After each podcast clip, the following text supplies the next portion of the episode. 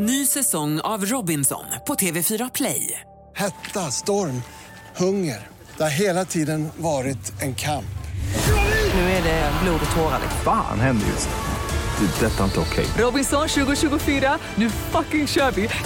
Streama söndag på TV4 Play.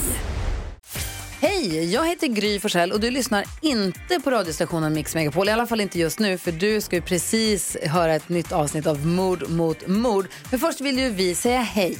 Hej, hej, det här är NyhetsJonas. Det här är Carolina Widerström. Och här är Gullige Dansken. Ja, och så Gry då, då. Det vi vill säga är att när du har lyssnat klart på den här podden, då får du gärna lyssna på våran. Vi spelar in ett nytt avsnitt varje morgon av våra podd Kvartsamtal.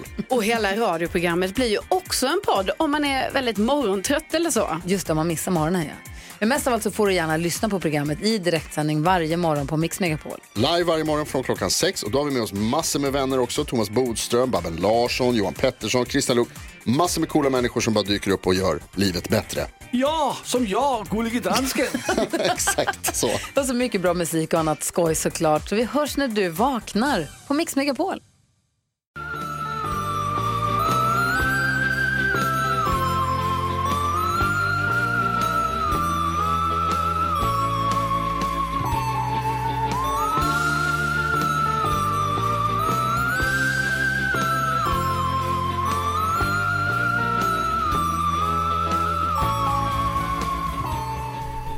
Hallå? Hallå!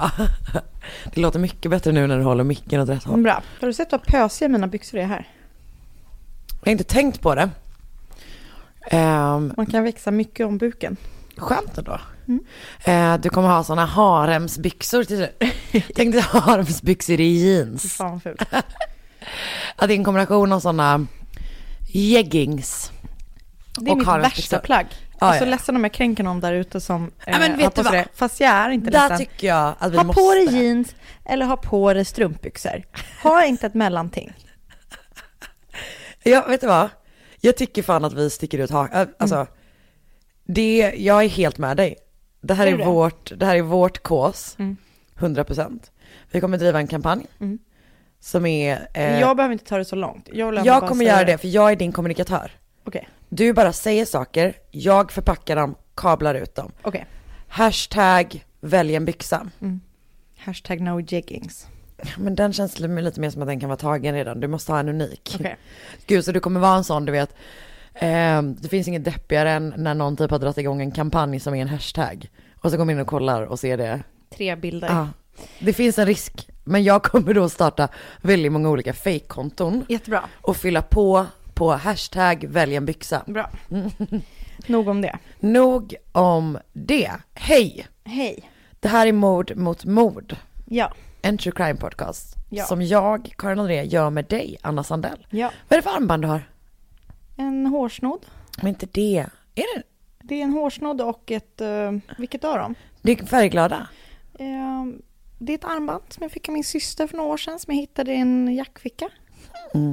Det är kul när man plockar fram sina vårjackor för då hittar man... eh, Det är mitt, ett av mina mål i livet. När jag, det är när jag kommer känna mig riktigt vuxen, är när jag eh, plockar fram eller plockar bort saker i samband, samma, samband med att årstiderna förändras. Är det det som kommer hända samtidigt som du skaffar en hemförsäkring?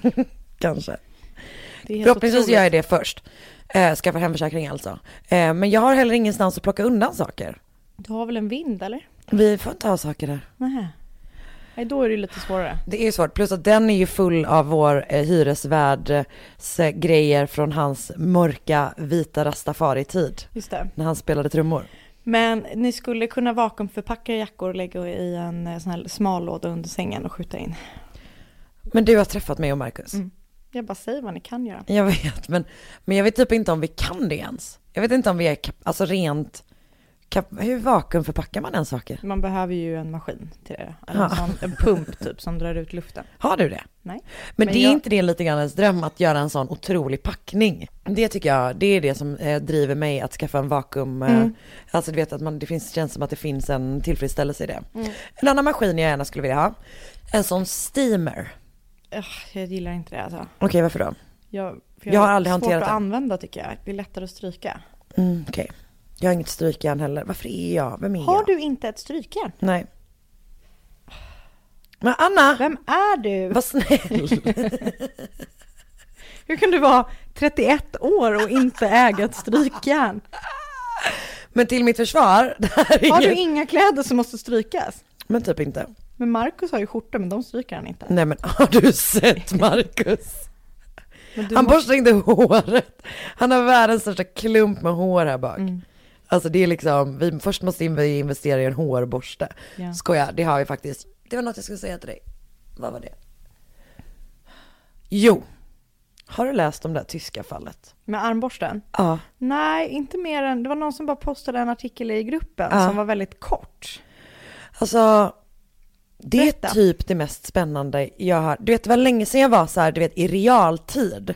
Blev helt så uppslukad av ett fall. Okej. Det, det som hänt är alltså så här. En eh, städare på ett hotell i Bayern tror jag det är. Mm, Så här, ska in och typ, jag vet inte om man ska städa eller vad de ska göra liksom. Men de ska i alla fall in i ett hotellrum där tre personer bor. Och ingen svarar när de knackar. Så till slut så går de in i alla fall. Då ligger alltså två av det är två kvinnor och en man. Mannen är typ eh, 58 eller någonting. Kvinnan, Typ 30 eller? Ja, det är en 33-åring och en 30-årig kvinna. Och mannen och den 33-åriga kvinnan ligger då alltså hand i hand på sängen med alltså flera pilar från armborst som sticker ut från sina kroppar. Det är så jävla sjukt. Och den andra kvinnan, hon ligger vid foten, eller liksom på golvet typ, nedanför. Hon har en pil i kroppen, Ja. i bröstet liksom. Ja.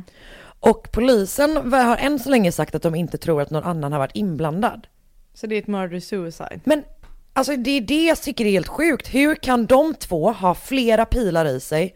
För man kan väl fan inte skjuta sig själv med ett armborste? Men man tänker ju att man inte kan skjuta sig själv med ett gevär heller, men det går ju. Men ändå, det känns Nej, jag så vet, helt- jävla sjukt. Så hemskt att skjuta, tänk om hon träffar fel.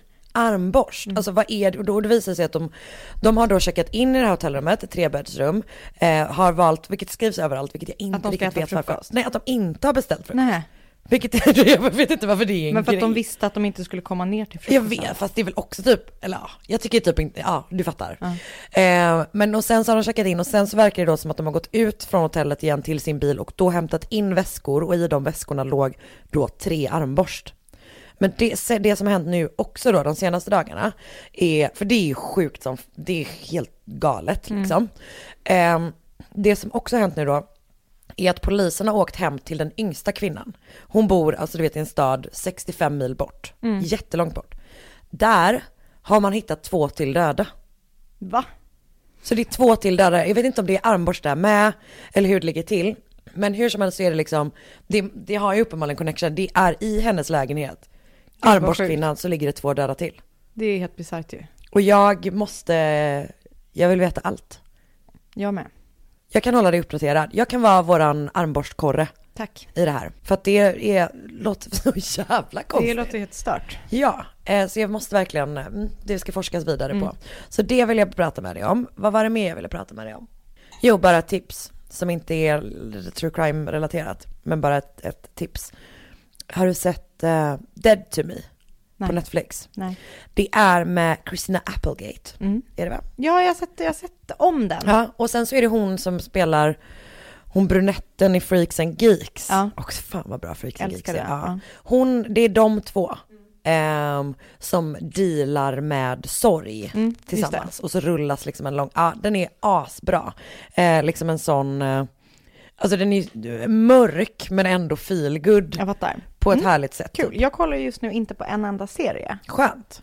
Eh, typ lite tråkigt också. Och när jag var ensam hemma i helgen så bara, ja, skulle jag gå och lägga mig nu, men vad ska jag titta på? Vad tittar du på då? En dokumentär om det här fallet jag ska göra nu. Ändå bra. Ja. Så du gjorde research? Ja. Du jobbade istället Jag jobbade istället. Mm. Ja men det var bra. Nej men okej, men då kan jag rekommendera Dead to Me. Mm. Och sen så håller jag fortfarande på att kolla på Broadchurch. Och sen så såg jag klart, be, lyssnade jag klart på Belang, Belangelo. Just det. Hur säger man? Belangelo. Belangelo, det är inte. Case File-serien. Ingen podd. Äh, det, var, det var för långt. Det var väldigt långt. Jag, jag lyssnade i helgen på uh, Case File om Silk Road. Just det. För jag började lyssna på den och sen Det är tappade jag Darknet. av Darknet Mm. eh, avsnittet. Ja. Och det är också, för det är också tre. Just det. avsnitt i rad. Och jag blev typ lite besviken när jag insåg att det bara var tre, för att jag hade tänkt att det var fem. Och jag var ute och Ah. gick så här långt själv. Nej. Och så var det typ att jag bara, ah, jag har två avsnitt kvar. Så bara, nej, jaha, nu löste det sig i avsnitt tre.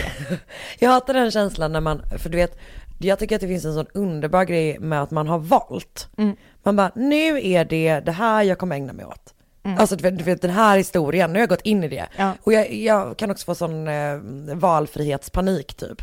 Så att där, därför är man, blir man så ledsen när man har valt, lyssnat på allting och så är det bara slut. Ja, och det är det som är så skönt med att lyssna på böcker tycker jag. För att de typ aldrig tar De slut. tar aldrig slut, Nej. det är typ så här 14 timmar. Ja. Men det jag börjat lyssna på istället då, Ja. är att eh, eh, jag ly- ly- lys- lyssnade ju på Uncover Escaping Nexium. Ja, fy fan vad bra den Ja, var. och sen visste inte jag att de hade två säsonger till.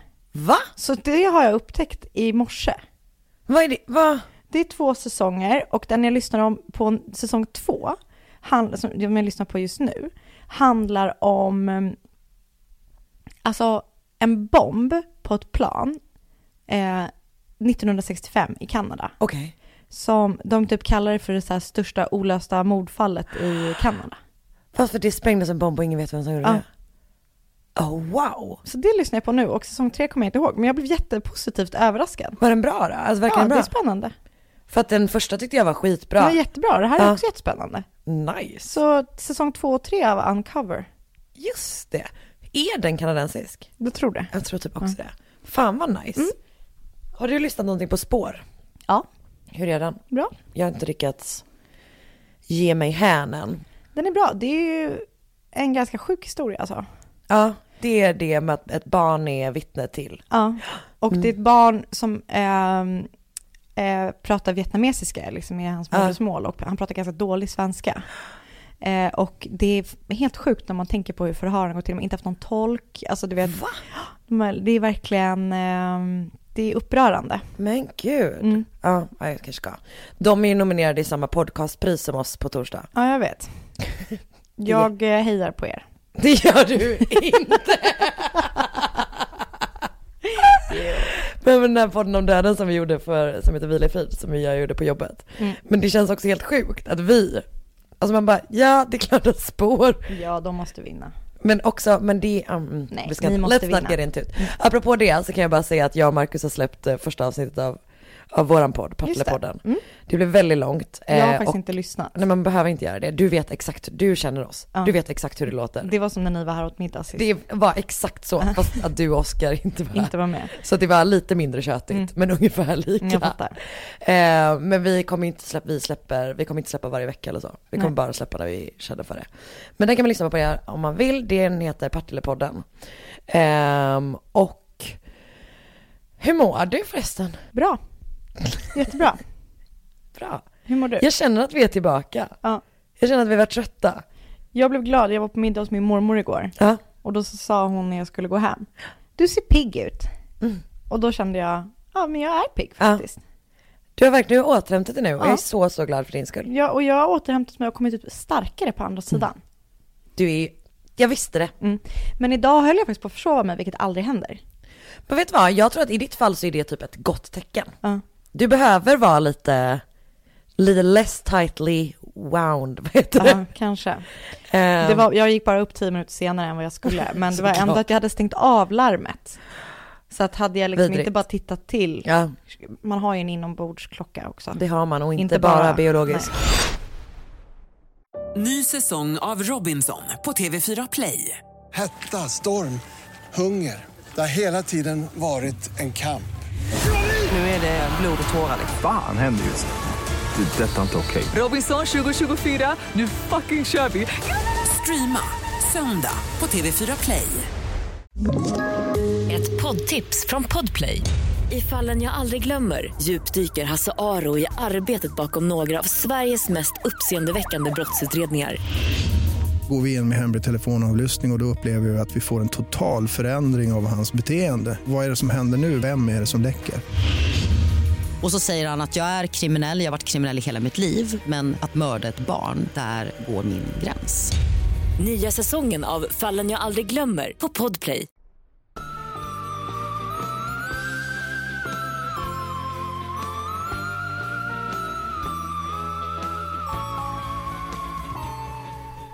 Då har jag valt ett mord från den gudsförgätna platsen Mölndal.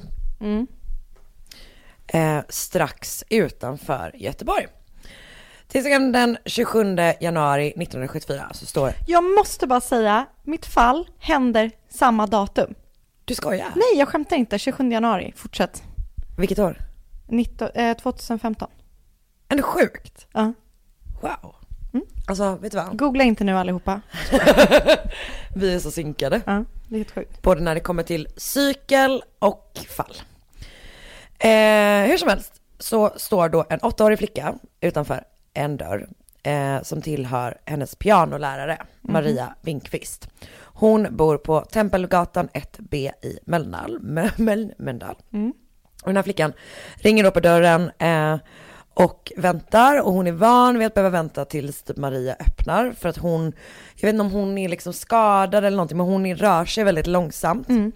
Maria är eh, 65 år gammal så det är liksom inte så att hon är eh, super, super gammal men hon har, ja, Inte purung heller. Nej, exakt. Lite grann mitt emellan.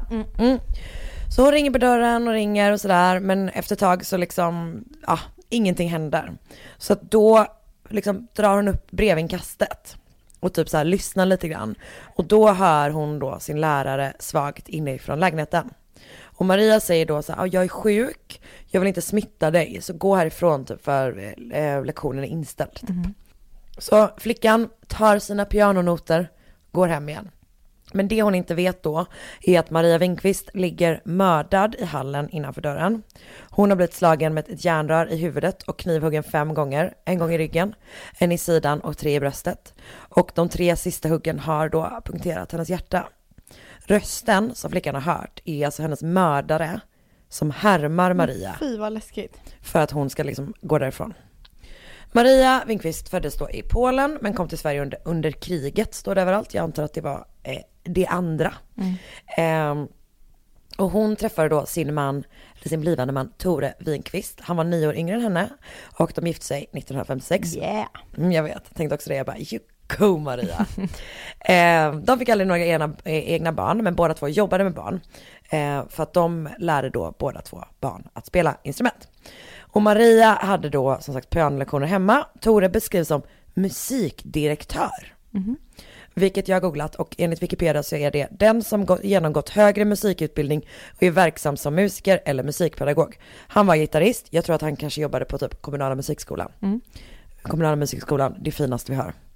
Eh, fastän jag hade en skittaskig fiollärare där. Så vill jag verkligen, verkligen slå ett slag. Okej. Maria verkar ha varit en väldigt bra men ganska sträng musiklärare. Alltså du vet en sån som lär ut så ordentlig fingerfattning, rejält liksom. Man får spela skalor tills det så sprutar ur öronen. Men hon också, var typ också väldigt snäll och så här, brydde sig om sina elever väldigt mycket. Jag läste att en, ett citat, eller hennes gamla, en gammal elev hade varit in, blivit intervjuad typ i en artikel jag läste. Och han sa att han hade blivit musiklärare på grund av henne. Ehm, och hon hade typ konst- lektioner konstant. Alltså grannarna säger så här, sa att man hörde hela tiden pianoklinkande. Alltså fattar du det? Barns pianoklinkande i Ja, trappuppgången. Hade kunnat vara fiol. Hade kunnat vara jag på fiol. Ehm, Tore hade då den här dagen åkt hemifrån efter lunch. Så eh, först hade han ett gäng så här, gitarrlektioner och sen hade han andra ärenden, ärenden, vet inte vad. Kanske att han hade ett gig. Hur som helst så kom han inte hem förrän efter halv elva på kvällen. Och när han öppnar dörren, du vet han smyger in typ för att inte väcka sin fru. Så tänder han i lampan i hallen och det är blod överallt. Usch. Och han ser då sin eh, fru ligga på rygg i en blodpöl en bit innanför dörren. Han ringer ambulansen direkt, men det är för sent. För Maria Winkvist har redan varit död i fem timmar. Polisen söker då igenom lägenheten och de hittar ingenting. De pratar med grannar och då kan man konstatera att ingen har hört pianomusik efter klockan 15 på tisdagen. Men man tycker sig ha hört Maria prata med någon med väldigt så dov, mörk röst liksom. De kollar hennes lektionsschema och då ser de att hon eh, borde ha varit ensam åtminstone mellan 16.30 och 16.50. Det vill säga när den här lilla flickan kom liksom då. Eh, men när man ringer runt till eleverna så inser man nog att fönstret har varit lite större, typ kanske från 15, för att hon har fått ett återbud under dagen. Så hon har nog varit ensam från typ 15. Och eh, alla eleverna är barn och ingen av dem är misstänkt för polisen anser att det måste vara en vuxen person som har mördat henne.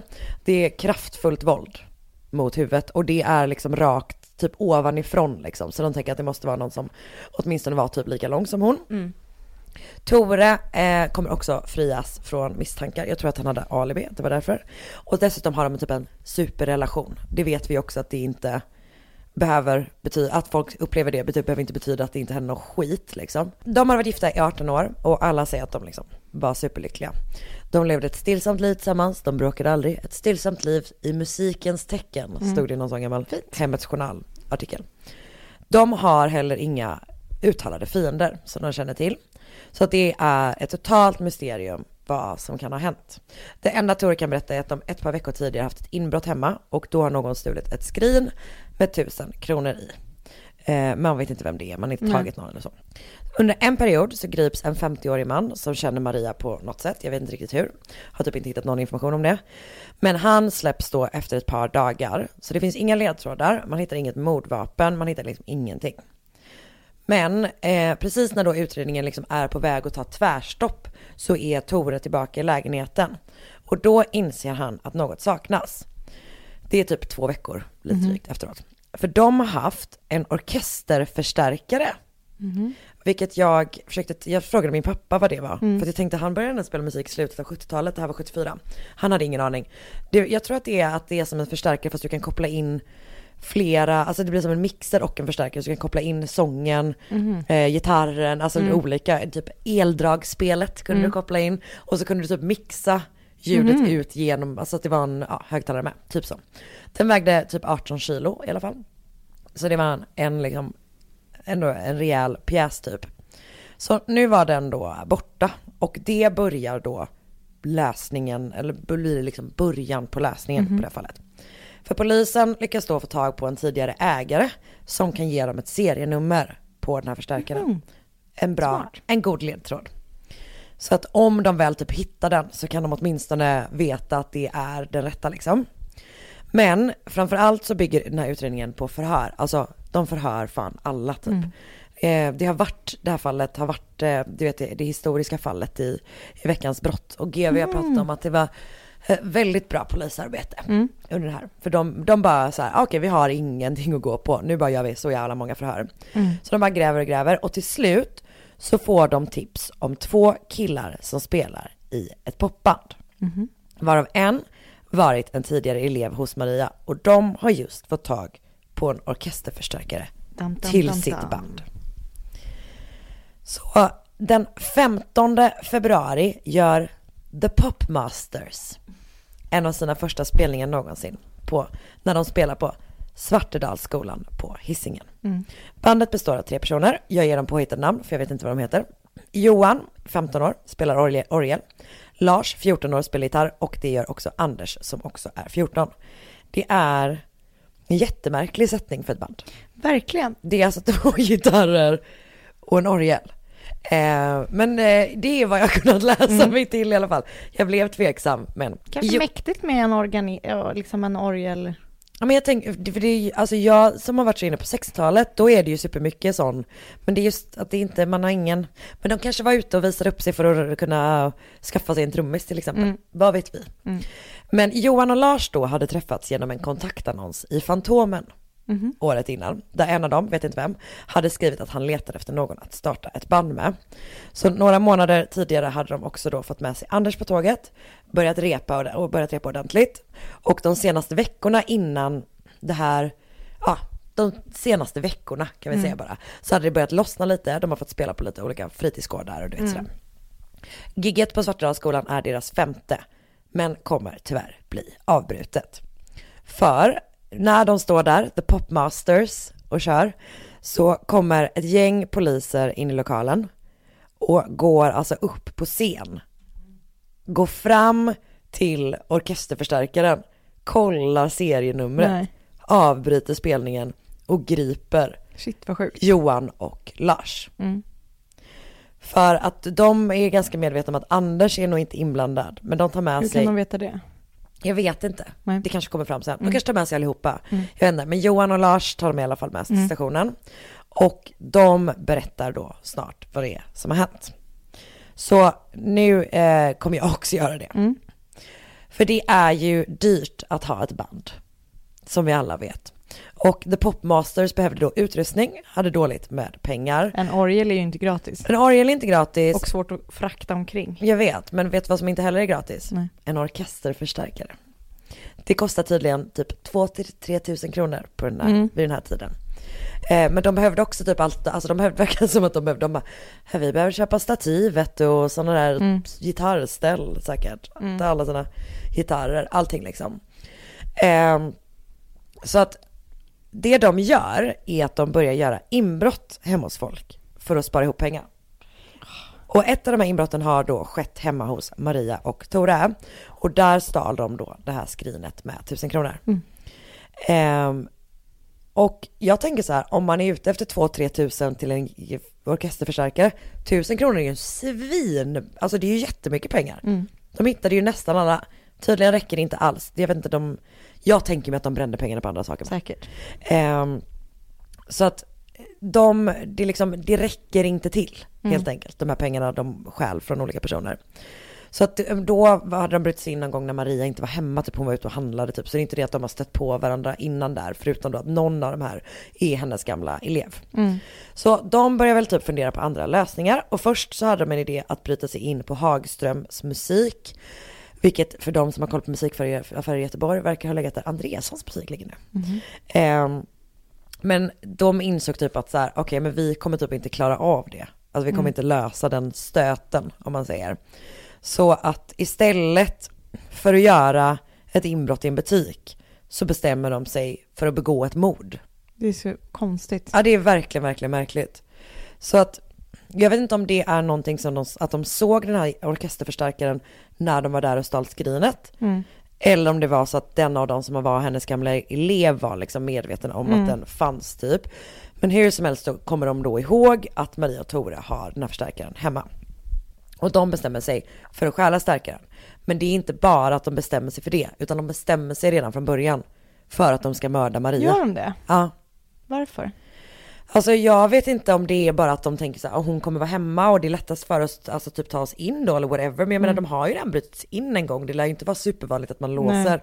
Men de kommer senare berätta att det är överlagt liksom. Mhm. Så att ehm, jag fattar liksom inte hur de här personerna hamnade där i tank, alltså det, det är jättemärkligt Mm. verkligen. Men de, det är det här de bestämmer sig för då. Så Maria har som sagt fått återbud där under tisdags eftermiddagen. Så hon blir lite förvånad när det knackar på eh, liksom under den lektionstiden. Mm. Men när hon öppnar så ser hon då att en av de här pojkarna som står utanför är en av hennes gamla elever. Så att hon så släpper in dem, vänder sig om och går in mot lägenheten. Och när hon gör det så vet ju inte hon då att de delvis har en del av ett stativ. Mm. Som är liksom i järn och, eh, järn, ja skitsamma, något hårt material. Och eh, även en kniv med sig då. Mm. Så Maria vänder sig om, liksom släpper in dem, börjar gå in mot, mot lägenheten. Då slår Lars, som är den yngre, eh, Maria i bakhuvudet med röret. Sen slår Johan henne två gånger med röret. Så hon faller ihop på golvet och då hugger Johan då henne med kniven. Mm. Och som sagt fem jävla gånger. Varav flera punkterar hennes hjärta. Så hon dör liksom snart typ. Mm. Och det är då när det är liksom the deed is done som det ringer på dörren. Mm. Och de får så här, vad fan ska vi göra typ? Eh, och de då bestämmer sig för att härma Maria. Det är så läskigt. Jag vet, det är jätteobehagligt. Så att efter det här, eh, att den här flickan har gått därifrån, så går de in i lägenheten, hämtar förstärkaren och snor också åt sig en flaska konjak som de tar med sig. Sen tar de med sig alla grejerna liksom upp på vinden och går ut en annan utgång, Mm. ner i en annan trappuppgång sådär. Sen tar de med sig till, till, sin replokal och där säger de då till den här sista snubben att, så här, Mm. att de har fått låna den typ. Och då kan de då börja repa och börja liksom spela på riktigt. Och det ger verkligen snabbt resultat för deras karriär. För att de börjar få ganska, de bokar ganska många spelningar på ganska kort tid. Jag tänker att det kan vara, du vet att man liksom, att man plötsligt är den som har tekniken för att få hela spelningen Mm, att gå runt mm. typ. Ehm, så att det, jag, jag säger inte att The Popmasters var dåliga, eh, men jag tänker att de var det. Mm. Eh, men däremot så hade de ju nu en förstärkare liksom. Så Popmasters har just då börjat sin rise to stardom när det plötsligt tar väldigt, väldigt stopp. Den där eh, februarikvällen, 15 februari. Så istället så blir de liksom så här löpsidesnyheter och du vet hur alla är så här, men att det är en 14-åring och en 15-åring Ja, som har mördat en pianolärarinna. Mm. För att de ville ha en grej till sitt band liksom. Det är så jävla Galet. kallt Mm. på så alla sätt och vis typ. Och 14-åriga Lars är då för ung för att ställas inför rätta. Så han lämnas över till socialen efter att han erkänt. Och sen hamnar han på någon slags psykiatrisk avdelning. Johan eh, hamnar... Oj! Det är lugnt, prosit. Johan hamnar först på Forsane, vet inte om det uttalas så, hur som helst, ungdomsvårdsskola i Dalsland. Men den 6 augusti 1974 så inleds rättegång mot honom. Vad jag kunnat läsa mig till så tog den också slut den 7 augusti. Bara tre dagar. Nej, två dagar. Två dagar. Eh, Jag vet inte om det är något fel eller vad som helst, eller bara han har ju erkänt. Mm. Så att, ja, hur som helst. Han eh, döms då till sluten psykiatrisk vård och det finns liksom typ, eller det finns typ ingen information om vad som hände med dem efteråt, vilket Nej. är inte så konstigt, de var barn när det här hände liksom och de dömdes psykiatrisk vård. Men eh, vi får väl supermycket räkna med att de är släppta nu om det inte har hänt något Antagligen. mer liksom. Eh, eller det hade varit sjukt om de, Mm. om de hade suttit inspärrade. Nej, det gör de nog inte. Nej det tror jag absolut inte. Vad sjukt, vad obehagligt. Och vad tråkigt. Det är verkligen, men det är också typ Jag vet inte, man har också en sån bild av en, du vet en lite äldre pianolärarinna Som tar in grannskapets barn och lär dem spela, eller du vet Jag tänker något- att de inte är snälla. Men jag tycker ändå synd om henne. Ja, men, ja. Men det är bara, jag har ju aldrig spelat piano så jag vet inte. Nej, nej, jag tror typ ändå att jag tänker att pianolärare är ganska, alltså är bland de snällaste är nog gitarrlärare Ja. och elakaste är fiollärare. Mm, Jag spelade också i stråkorkestern fiol. Hur, hur var din lärare? Jag minns inte ens vem jag hade som lärare, men vi var typ hur många barn som helst i, för vi var ju just en orkester. Ja. Så det var cello och fiol. Men det enda jag lärde mig var A, A, A, A, B, B, B, B, B, B, C, C, C, C, C, C, D. Det kan ju inte vara det enda, men det är det enda jag minns. Du lärde dig säkert flera saker. Nej, jag hade, alltså min lärare, hon hette Birgitta. Mm. Och hon var så jävla, jävla elak. En gång hade jag fått, för, eller jag hade fått låna en, en egen fiol av någon så vän till familjen typ. Mm. Och då hånade hon bara mig jättelänge för att jag inte hade, eh, för att jag hade en för stor fiol. Jag var så glad och stolt för att jag hade en egen fiol. Och sen så var det bara att hon pekade på mig och garvade. För att det var, för hon bara, jag ser inte ens där bakom. Det såg säkert roligt ut, till hennes försvar. Gud! Ny säsong av Robinson på TV4 Play. Hetta, storm, hunger. Det har hela tiden varit en kamp. Nu är det blod och tårar. liksom. Fan händer just nu. Det. är Detta är inte okej. Robinson 2024, nu fucking kör vi! Streama söndag på TV4 Play. Ett poddtips från Podplay.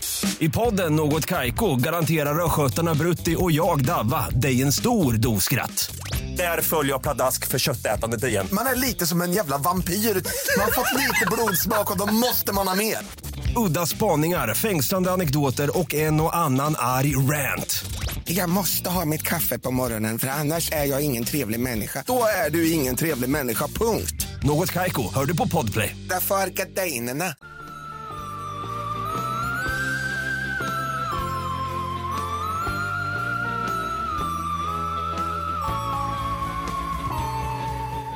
Vad har du kokat ihop? Har jag kokat ihop. På morgonen den 27 januari 2015 Ja. fick polisen i Kapstaden ett samtal från Henry van Berda. Bra. Henry säger, jag vill kalla honom för Henri, för att han stavar så, fast han heter Henry. Eh, säger lite liksom dämpat och efter liksom sådär lugnt. My family and me were attacked by a guy with an axe. Och sen så följer ett jätteförvirrat larmsamtal. Okej.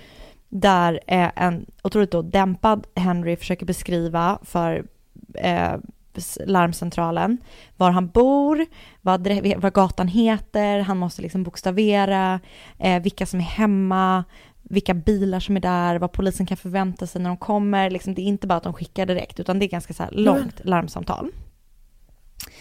Så till slut så kommer polisen i alla fall fram till Desalze Golf Estate i Stellenbosch som ligger fem mil utanför Kapstaden. Bor de? Där. För Desalze Golf Estate är en golfklubb som man hör på namnet, men det är också liksom en gated community. Okej. Så det hör bostäder runt om. Mm. Och det är så dyra villor Mm. eh, och det är eh, jättemycket säkerhet. Som det verkar vara i Sydafrika. Liksom på många sådana här De här typerna av gated communities. Exakt. Mm. Så det är typ eh, elstängsel, det är vanliga kameror, det är värmekameror och vakter liksom. Oj jävlar. Och liksom såklart stängda grindar och det är ju så super closed verkligen. Och när polisen kommer fram till Van Berdas hus så möts de av någonting helt sjukt där. Men jag vill börja med att berätta lite om familjen Van Berda.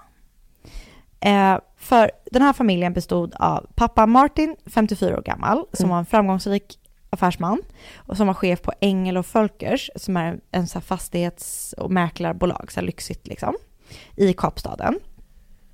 Mamman i familjen hette Teresa och var 55 år. Hon verkar ha varit en hemmafru. Och så var det syskonen Rudy, 22 år, Henry, 20 år och dottern Meryl, 16 år. Mm. Och ehm, de verkar liksom vara som vilken eh, familj som helst. Och de hade tidigare bott i Bondi i Australien, men ehm, när pappan, eh, Martin, mamman Teresa och Meryl Mm. hade flyttat, flyttade tillbaka till Sydafrika, för de kom från Sydafrika, så stannade Rudy och Henry kvar och pluggade i Melbourne i Australien. Men så småningom bestämde sig Henry för att flytta hoppa av studierna i fysik och ta ett sabbatsår i Sydafrika. Så i januari 2015 så var, och då flyttade Henry hem till sina föräldrar. Eh, och i januari så var Rudy hemma på besök, han kanske var hemma fortfarande efter jul och sådär. Så att hela familjen var samlad i huset. Och på kvällen den 26 januari så åt familjen middag med varandra innan de satte på den senaste Star Trek-filmen som de tittade på tillsammans. Och efter att filmen var slut, runt 11-tiden, så gick alla och la sig. Och eh, eftersom Rudy var hemma och hälsade på så delade han och Henry rum och badrum med varandra. Mm. Och på kvällen så, eh, eller när de hade gått och lagt sig så somnade Rudy som en stock, men Henry hade så svårt att somna liksom. Så efter ett tag så gick han upp för att kissa. Eh, och då hände någonting jätte, jätteläskigt. För Henry ser en svart man, helt iklädd svarta kläder och en svart eh, skidmask, eller sån här balaklava typ, eh, hållandes i en yxa. Ser han gå in i huset, som det verkar vara så, du vet han ser i fönster och så här, genom fönster och sånt där. Eh, han ser honom gå in i huset och sen in i det rummet där som han delar med Rudy. Och mannen börjar attackera Rudy med en yxa. Och Henry börjar skrika i panik på hjälp. Så deras pappa hör både Rudy och Henrys skrik liksom, och kommer in i rummet och försöker skydda sin son. Så han lägger sig på, På Rudy. honom? Liksom hoppa, försöker hoppa emellan och lägger sig på honom. Men blir såklart också eh, Huggen då. huggen då av yxan. Och Henry som har kommit ut ur badrummet blir helt paralyserad av skräck och ser sin eh, pappa och bror bara bli så här helt sjukt attackerade av en galning med yxa liksom. Och efter att den här yxmannen har attackerat pappan och Rudy så går han vidare mot mamman och eh, Meryls, r- liksom åt deras håll. Så han ser inte? Henry, han, Nej. nej. han låter honom vara liksom. Och jag vet inte om han inte ser honom och sådär. Så även mamman och Meryl faller offer för den galna yxmannen. Eh, först när han, yxmannen liksom är färdig med mamman och Meryl så ger sig Henry, då kommer han tillbaka och då hamnar de i en fight med varandra. Okej. Och eh, Henry överlever. Och han har berättat i efterhand hur de slogs med varandra och hur yxmannen ska liksom ha skrattat åt honom när de är i liksom någon slags fight med varandra. och sen så har yxmannen tagit fram en kniv. Alltså eh, Henry får loss yxan på något vis och då tar fram, yxmannen fram en kniv som han hugger Henry med. Och sen så flyr han och Henry kastar yxan efter honom i en trappa. Och sen så är yxmannen borta. Oj. Det är det som händer under natten. Ja. Och efter den här fighten med yxmannen så ringer Henry inte eh, polisen eller inte ambulansen utan han ringer sin flickvän. Ehm, s- han whatsappar är henne. Det vet jag inte Nej, om hon är är i jätteviktigt. Australien eller om hon är i Sydafrika. Jag vet faktiskt inte. Ja, men han, han whatsappar och eh, ringer till sin flickvän som inte svarar. Och efter det här eh, samtalet så får Henry ett epileptiskt anfall. Oj. Och sen är han utslagen i två timmar och 40 minuter. Vänta okej, så han ringer sin flickvän, hon svarar inte. Mm. Sen får han ett epileptiskt anfall. Ja. Så inte efter att han har ringt ambulansen? Nej. Så är han, precis. Så att direkt efter samtalet med, till sin flickvän så får han ett epileptiskt anfall och är utslagen i två timmar och 40 minuter. Så först efter två timmar och 40 minuter Så efter attacken så ringer han till polisen. Men gud. Ja. Så när polisen kommer till platsen så kan de konstatera att pappa Martin är död och det är även brorsan Rudy och mamman Teresa. Men Men Meryl. den 16-åriga systern, hon lever fortfarande även om hon är liksom sjukt illa skadad. Men gud, hon har legat där. I tre timmar typ. Oj jävlar. Så hon blir ju skjutsad i ilfart till sjukhuset. Och den enda som har klarat sig utan liksom några större skador är då Henry. Och han har typ ganska ytliga eh, rivsår och lite skärsår och ett, ehm, ett knivhugg på typ magen. Okej. Så det, man kan liksom inte förstå att han har träffat samma person som, Som har har gett sig på de andra. För på de andra. Det, det som, man, det som liksom rättsläkaren kunde säga är att det här är en attackerare, liksom en, en attacker som har haft uppsåt att liksom döda och han har an- använt samma kraft på alla de andra fyra offren. Liksom. Ja, så det det verkar, liksom Henry har liksom, det är mirakulöst att han inte har större skador än sådär. Och det som också verkade konstigt vid första liksom anblicken var att han var så sjukt lugn. Han var liksom typ helt av, han var bara helt nedtrubbad. Vilket ju är konstigt, för man skulle tänka att man själv var liksom helt jävla Ja, ja, ja. galen om en, någon hade yxmördat liksom hela, Hela ens familj. ens familj när man var där. Exakt. Och så han försökte inte ringa polisen under tiden det här pågick. Nej, han, han var ju paralyserad liksom av skräck.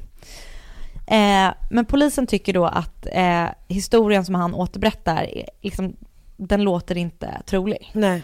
Och bara det faktum att någon liksom skulle kunna ta bryta sig in i huset Just det, i det här jävla gated Exakt. communityt ja. eh, är inte så troligt med tanke på liksom den massiva säkerheten som finns i det här området. Eh, men också för att det finns inga tecken på inbrott i huset. Det finns inga tecken på att någon har flytt scenen i all hast. Alltså det finns, och, och ingenting har blivit stulet heller.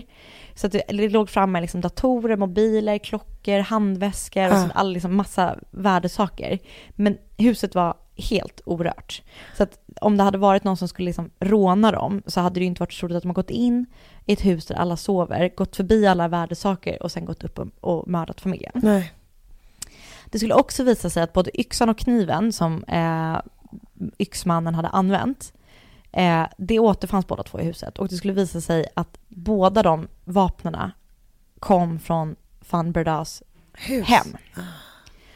Så yxan tillhörde någon så brandutrustning och kniven var typ en kökskniv.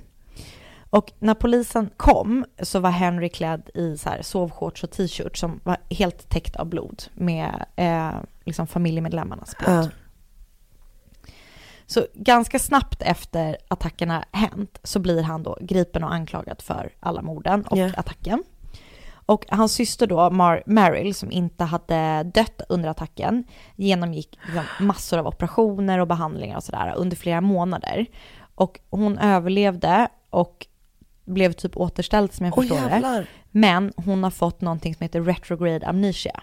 Så hon kommer inte ihåg någonting som har hänt Just innan, innan attacken. Så hon kommer inte ihåg attacken, hon kommer inte ihåg vad som har hänt innan och så här. Så allt, alltså hela hennes Det vet jag inte om hela livet. Eller om det är liksom begränsat till... Men hon har, minns ingenting från händelsen. Tänk när de insåg det, de bara yes nu kan vi förhöra henne och så bara, Mm. ah. Exakt. Men hon och Henry fortsatte sen då hållas åtskilda liksom, för han vill, de ville väl inte att, han skulle, att de skulle kunna prata med varandra sådär. Så att Henry blir åtalad och eh, åtalet löd typ så här, och jag översatte till svenska.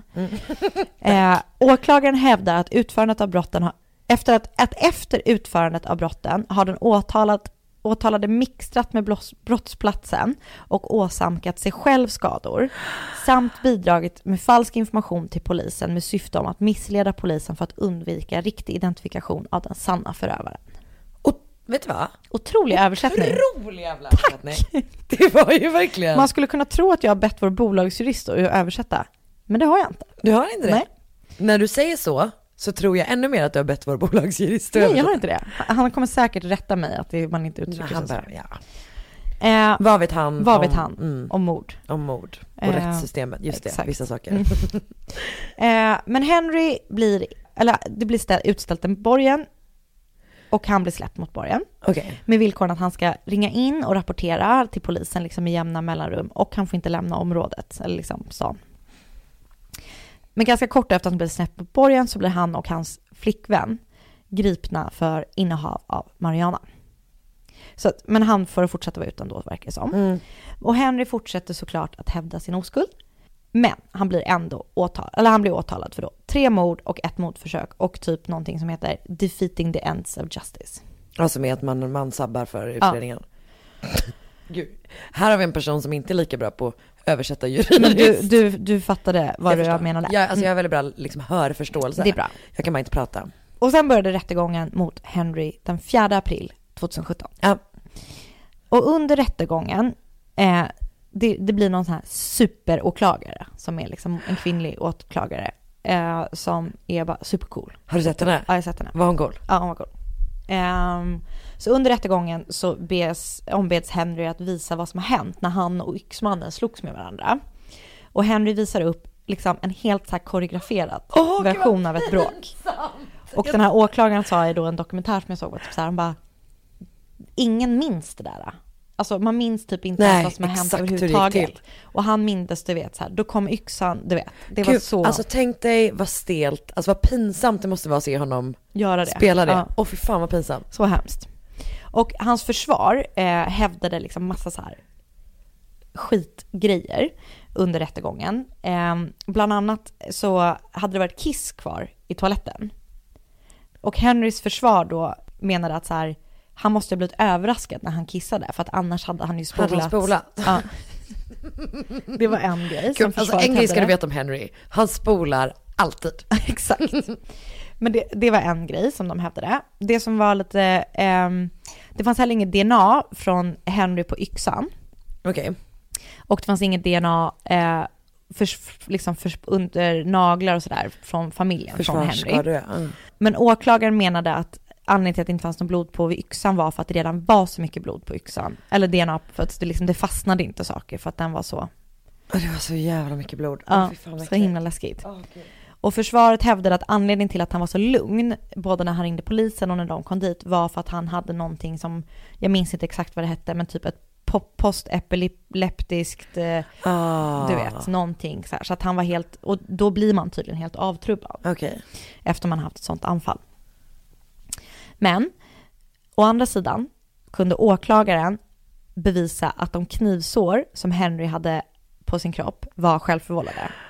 Men han har huggit sig själv i magen. Ja, men det är inte djupt Nej. alltså. det, På bilder ser det ut lite som så här, jag skär mig lite här och jag skär mig lite här och liksom, det är inte så att någon har blivit så här våldsamt attackerad av en kniv. Nej. En granne ska också ha berättat att hen har hört ett högljutt bråk samma kväll som mordet skedde. Och eh, vänner till familjen berättade att Henry alltid har varit familjens svarta får. Vilket man ju inte vet om det är sant, Nej, men nej. det verkar Ja. utifrån som det. Ja, alltså eh, efter den här händelsen Då är han så det. måste jag ändå säga att han är det. Eh, och han fortsätter hävda sin oskuld genom hela rättegången och han har stöd från sin moster. Jag står bara såhär, nej jag tror inte att han kan ha gjort det. Och han har också en flickvän som han träffar liksom direkt efter morden innan han blir gripen. Okej, så det är inte samma flickvän som han... Han ringde, nej det är någon annan. Hon ändå dumpat honom? Ja. Bra. Ehm, Klokt. Synd Men de backar honom och gör det liksom fortfarande till 100 procent. Ehm, och varför han skulle mörda sin familj, eh, alltså vilket motiv han har, Ja. är heller inte helt klart, glasklart. En del hävdade att Henry var drogberoende, att han var eh, beroende av metamfetamin. Oj. Och att hans föräldrar hade då fått reda på det och kapat hans allowance. Och att han då liksom ska Fått panik typ. Ja, och Ja. dödat liksom allihopa. Ett annat möjligt motiv skulle då vara att Henry skulle få ärva hela familjens förmögenhet om både mamman och alla syskonen var döda liksom. Ett annat motiv skulle då kunna vara, det är lite, allting är lite på samma, Ja. men att han hade tröttnat på den höga pressen som han fick hemifrån. Ehm, och Just att han hoppat av skolan Exakt, och- och, ja. att han ledsnade på att vara det svarta fåret Mm. och mördade familjen. Och en annan grej var att han, en annan teori skulle vara att han först bara hade blivit jävligt lack på sin bror. Och mördat honom och sen blivit påkommen av sin pappa och sen Och insett att han måste mörda alla Just, typ. och det stöds ju då av att pappan dog i brorsans Exakt. säng. Ja, jag Ja. Mm. Men tre och ett halvt år efter att familjen hade blivit attackerade så kom i alla fall rätten till ett beslut. Så det här var alltså typ eh, 2019. Ja, jävlar. nu ja. Och då Henry dömdes till tre livstidsfängelse Ja. och 15 år extra för morden på sin pappa, mamma, bror och mordförsöket på sin syster. Ja jävlar. Men man vet fortfarande. Nej men det lär, alltså en sån person erkänner ju inte. Nej. Jag tror fan Jag inte tror det. inte att han har erkänt. Men är det inte också Eller har han det? jävla... Nu blev jag osäker. Vill du googla? jag vet inte. Googla. Jag har läst så himla mycket. Men ibland kan man typ gå vill, eller att man bara inte längre vet. Det är ju som att jag flera gånger har fått för mig att jag har läser, för, berättar om fall som är helt påhittade. För att jag bara fått en sån knäpp liksom. Det finns hur mycket som helst att läsa om det här. Alltså så här nya artiklar, det är ganska spännande. Ja. Och bra YouTubes. Eh, Youtube-dokumentärer. Ja. Men är det inte så jävla jävla typiskt att den här typen av snubbe typ så här när han ska beskriva en gärningsman bara, det var en The stor svart man som hade på sig, alltså man bara jävla idiot alltså. Men också typ, just hela den grejen som du säger, typ att det var så jävla övervakat. Det är klart som fan man hade, på någon kamera, Så hade eller det ju hade det ju funnits. Ja, ja, ja. Om det sprang runt en person med en fucking yxa där. Nej men där var också att han hemma. såg, jo men han såg yxan, han såg personen att han hade yxan med sig när han kom va? Ja alltså jag, jag minns, Ja. ja. han såg den när han var inne i huset Alltså jag. förlåt, men vilken... åh. Men den där typen av historier är ju superspännande. Så spännande. Så jävla jävla Ja. spännande. Tack snälla, jag har inte hört talas om det där. Nej, inte jag heller. Det var tips på Instagram kan jag säga. Ehm, jo du, Ja. jag funderar på, jag har tagit fram några lyssnarhistorier nämligen. Mm. Men jag tänker att jag kan ta en, så kan jag sprida ut den lite grann. Okej. Eh, ja, för man kan ju skicka in sina historier till oss på mordmotmord.gmail.com. Vi har varit lite dåliga på att läsa dem. Ja. Men jag tänker att vi ska börja beta av dem lite grann nu. Det är bra. Ehm, så att jag börjar med att läsa en från Sara. Ja. Så Ämnesraden är en läskig händelse. Mm. Jag gillar läskiga händelser. Ehm, ja, hejsan. Jag tänkte dela med mig av min läskigaste händelse. För många år sedan fick jag för mig att gå till ett solarium efter jobbet. Det var nere i en källare i ett hyreshus. Jag gick in i rummet där solariet stod och låste dörren noggrant med haspalt. Jag tittade bakom solariet så att ingen skulle ha gömt sig där inne och sneglade snabbt in i ett smalt utrymme bredvid duschen där det stod en soptunna. Men det var ingen soptunna, utan det var ryggen på en ihopkurad person. Fan! En grå stickad tröja liksom. Jag stod typ en meter ifrån och fattade inte riktigt vad jag såg. Jag fick ur mig, oj vad du skrämde mig! Han vecklade ut sig till en gänglig, två meters typ, en kille i 20-årsåldern. Jag backade mot dörren medan han, medan han sa att han inte hörde att det kom någon. Fullständigt rimligt svar. Jag låste upp dörren och släppte ut honom. Jag måste varit i chock, för jag låste igen, klädde av mig och la mig i solariet. Jag skulle ju sola liksom. Fy fan. Jag kunde, det där vill jag ha ohört. Men du, för du vet vad det är? Det är den största skräcken med att bli inlåst i ett solarium. Alltså, det är fy fan. Jag vet fortfarande vad du gjorde förra sommaren. Det är exakt vad det är. Också bli typ våldtagen i ett solarium. Men typ, eh, men hur ofta solar du solarium? väldigt sällan Det blir nu. spray tan för dig från och med nu. Väldigt sällan nu, men jag solade stört mycket Ja det kan jag solarium verkligen tänka. förut. Jag tror aldrig att jag har solat solarium. Alltså det, är så, alltså det är så skönt, alltså när det är så kallt ute och bara få lägga sig och det är så varmt. Vet du vad, det var typ en av de första grejerna som min mamma började göra, eh, liksom när hon började så, ska, se till att typ skaffa utrymme för att ta till, eller typ när hon väl fick utrymme för att typ vara lite snäll mot sig själv, Ja. första gången på tusen år, Ja. det vill säga när vi började bli lite äldre. Eh, att hon, att du vet att hon efter ett tag erkände att hon hade börjat gå, i solar, gå på att hon, alltså- just att det var så att hon bara, Det är så skönt. När jag pluggade i Lund eh, så började jag och min kompis Lollo inför en sån här vårbal sola skitmycket Nej, solarium. Så att vi Anna. var liksom så jätte, framförallt hon för hon blev mycket brunare än jag. Vi var så skitbruna inför, du vet, inför sommaren. Alla bara oh, vi bara Ja men det var bra, tack snälla för den. Det var ju jätte, jätteläskigt. Jätteläskigt. Så Rikt- fortsätt skicka till mordmotmord.gmail.com. Gör det. Sådana läskiga stories. Och ska ni f- gå med absolut i vår Facebookgrupp som heter Mord mot podcast. Över 7000 medlemmar. Jag är så stolt och Ja. glad för det. Jag blev också, att jag insåg det, att det var så nära att jag bara, will you do me the honor? Ja, det var fantastiskt. Också, vet du vad? Nästa vecka, du, kan du påminna mig om en sak? För vi har fått en present av en lyssnare hemskickad till mig. Och jag glömde ta med mig den idag. Ja. Och vi måste, vi måste öppna den. Jag kommer vilja öppna den imorgon. Okej, vi kommer träffas imorgon och du kommer vilja öppna den då. Mm. Okej. vi gör det. Ja. Vi kommer göra det. Vi kommer eh, prata om den eh, Yes. nästa gång när vi poddar istället. För att Ja. jag vet om att du inte kan hålla dig. Ja. Så gå med i vår Facebookgrupp, Mord mot mord podcast. Önska fall av oss på Instagram. Anna heter att Sandel Anna, jag heter att Karin Londre. Eh, så hörs vi nästa vecka helt enkelt. Ja. Ny säsong av Robinson på TV4 Play. Hetta, storm, hunger. Det har hela tiden varit en kamp. Nu är det blod och tårar. liksom. Fan händer just nu. Det. är Detta är inte okej. Robinson 2024, nu fucking kör vi! Streama söndag på TV4 Play.